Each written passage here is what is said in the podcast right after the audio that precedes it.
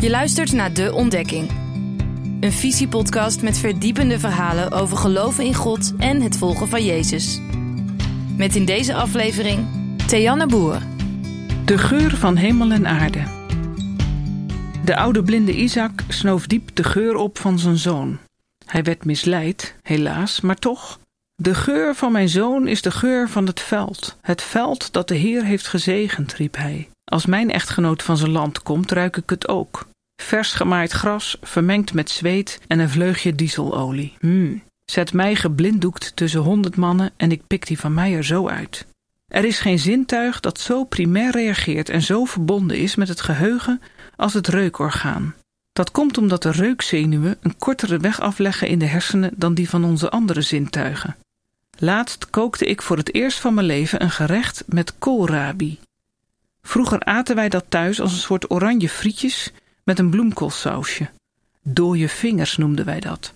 Ik sneed het ding open en ineens stond ik als klein meisje bij mijn moeder aan het aanrecht. Echt waar. Ik ging terug naar mijn kindertijd en zag het gezicht van mijn moeder, die al jaren dood is, weer scherp voor me. Wat geuren kunnen doen.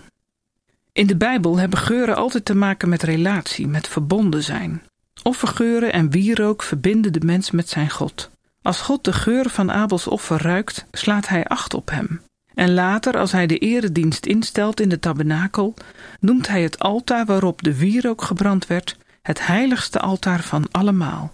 Het reukofferaltaar stond het dichtst bij de ark en was in tegenstelling tot het brandofferaltaar overtrokken met zuiver goud.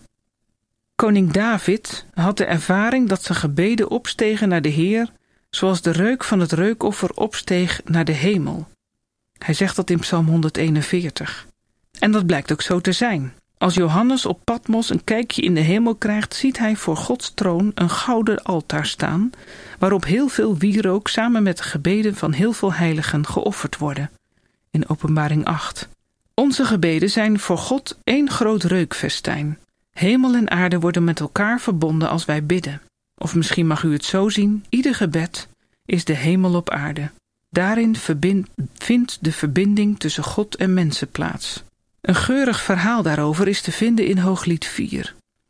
Of eigenlijk is het het script van een romantische film. Het meisje en de jongen zijn dol verliefd en wanen zich in het paradijs in een tuin vol heerlijke geuren. De jongen roept: Wat ruik je lekker! En het meisje spoort de noorden- en de zuidenwind aan om nog alle geuren nog eens extra aan te wakkeren. Zoete kruiden, bloemen, honing. Met zijn ogen dicht snuift de jongen de geuren op en herkent haar. Zij ruikt het lekkerst van allemaal. Zo heeft God in zijn liefde de mensen voor elkaar bedacht. En op dezelfde manier zoekt en vindt God ons. In Hooglied 4 staat een wierookboom, de geur van het gebed. En ook nardus, mirre en aloë worden genoemd. Dat zijn van ouds de geuren van de dood. Maria zalfde de voeten van Jezus immers met nardusolie, omdat ze zijn sterven voelde naderen. En Nicodemus zalfde het lichaam van zijn Heer met mirre en aloë. Als wij van Christus zijn, zijn wij van zijn dood. En worden wij herkend en geliefd door de Vader. Ik stel me zo voor dat een onze God ons zoekt, zoals de jongen in Hooglied zijn geliefde zoekt. Dat hij ons lekker vindt ruiken, omdat de geur van Christus aan ons hangt. Zo is het, en niet minder.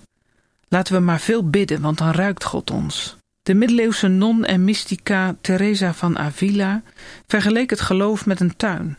Zij beschouwt het gebed als belangrijkste instrument om die tuin te onderhouden. Dan houden we het onkruid in toom, groeien en bloeien de planten en gaan ze ook nog eens heerlijk ruiken. Met Gods hulp hebben wij als goede hoveniers ervoor te zorgen dat deze planten groeien en erop te letten dat we ze water geven, schrijft ze.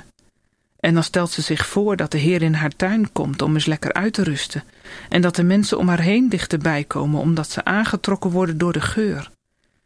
Bij wie zijn tuin onderhoudt met gebed, gaat dat bijna ongemerkt, vanzelf, zonder iets voor te doen.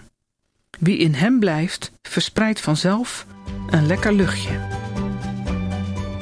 Dankjewel voor het luisteren naar deze Visiepodcast. Vond je het leuk? Geef ons dan even een beoordeling in je podcast-app.